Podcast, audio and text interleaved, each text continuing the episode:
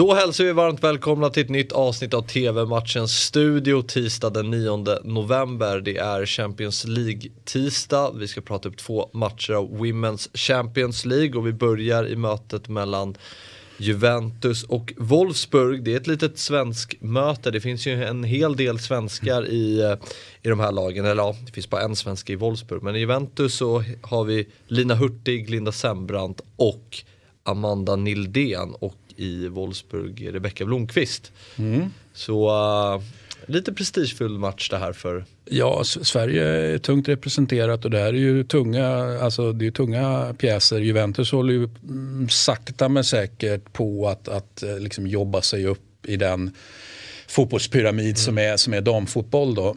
Så att, eh, och Wolfsburg har ju varit i den pyramiden ett, ett, ett bra tag och är ju, är ju så att säga mer stormakt. Ja, men mer etablerat internationellt mm. i, i damfotbollen än vad, än vad Juventus är. Men Juventus eh, toppar ju inhemska ligan. Wolfsburg tvåa mm. i sin Bundesliga. Liga.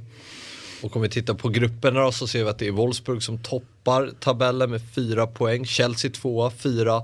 Juventus trea på tre poäng och sen har vi Servett längst ner på noll poäng. Så ja, det är en ganska tajt där uppe och um, viktig, viktig match för bägge lagen såklart. Mm, och det är ju det. Uh, så att uh, lite grann uh, så att säga, gammal ädel eh, damfotbollsadel mot någon som hoppas bli liksom, den nya damfotbollsadeln. Det är i alla fall så jag ser på matchen. Så det finns mycket att bevisa då för Juventus att man är på att man är på rätt spår helt enkelt. Och självklart lika mycket att bevisa för Wolfsburg att vi är minsann ja, vi är gamla i gården, vi kan det här, vi är, vi, är, vi är bra på riktigt. Vi är ingen nykomling på något sätt. Nej.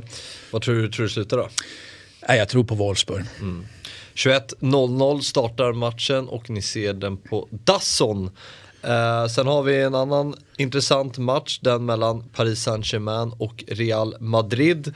Det är en eh, gruppfinal i, i grupp B. Båda lagen står på 6 poäng där PSG har bättre målskillnad. Eh, och ja, lite här också ett eh, svensk möte. Ja, det, känns som att varenda match i Champions League är det. Det är kul med så många svenskar i den mm. internationella toppen. Vi har Amanda Ilestedt i PSG och sen har vi Kosovare Asllani i Real Madrid. Så. Mm. Och Asllani gillar man ju. Mm. Eller det gör jag i alla fall.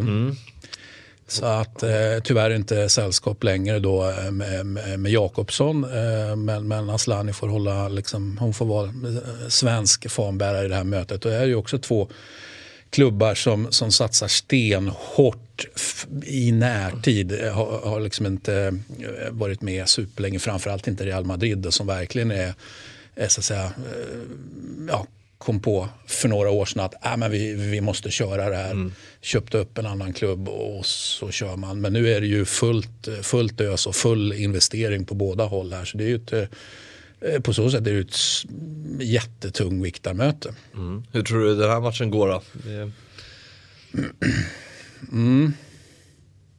Jag säger hemma, hemmafördel eh, gör att PSG nitar Real det är väl så att Real inte är i superform. Nej. Så att jag tror på hemmasegern.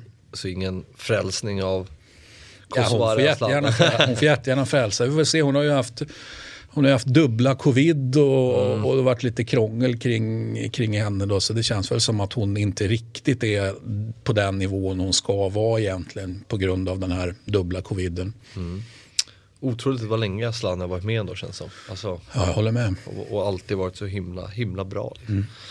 Ja, men du tror på PSG-seger alltså och eh, den här matchen startar också 21.00 och ni ser den även på Dasson. Eh, det var allt för idag. TV-matchen Studio är tillbaka imorgon igen då det är mer Champions League-fotboll på agendan. Vi ses då, hej!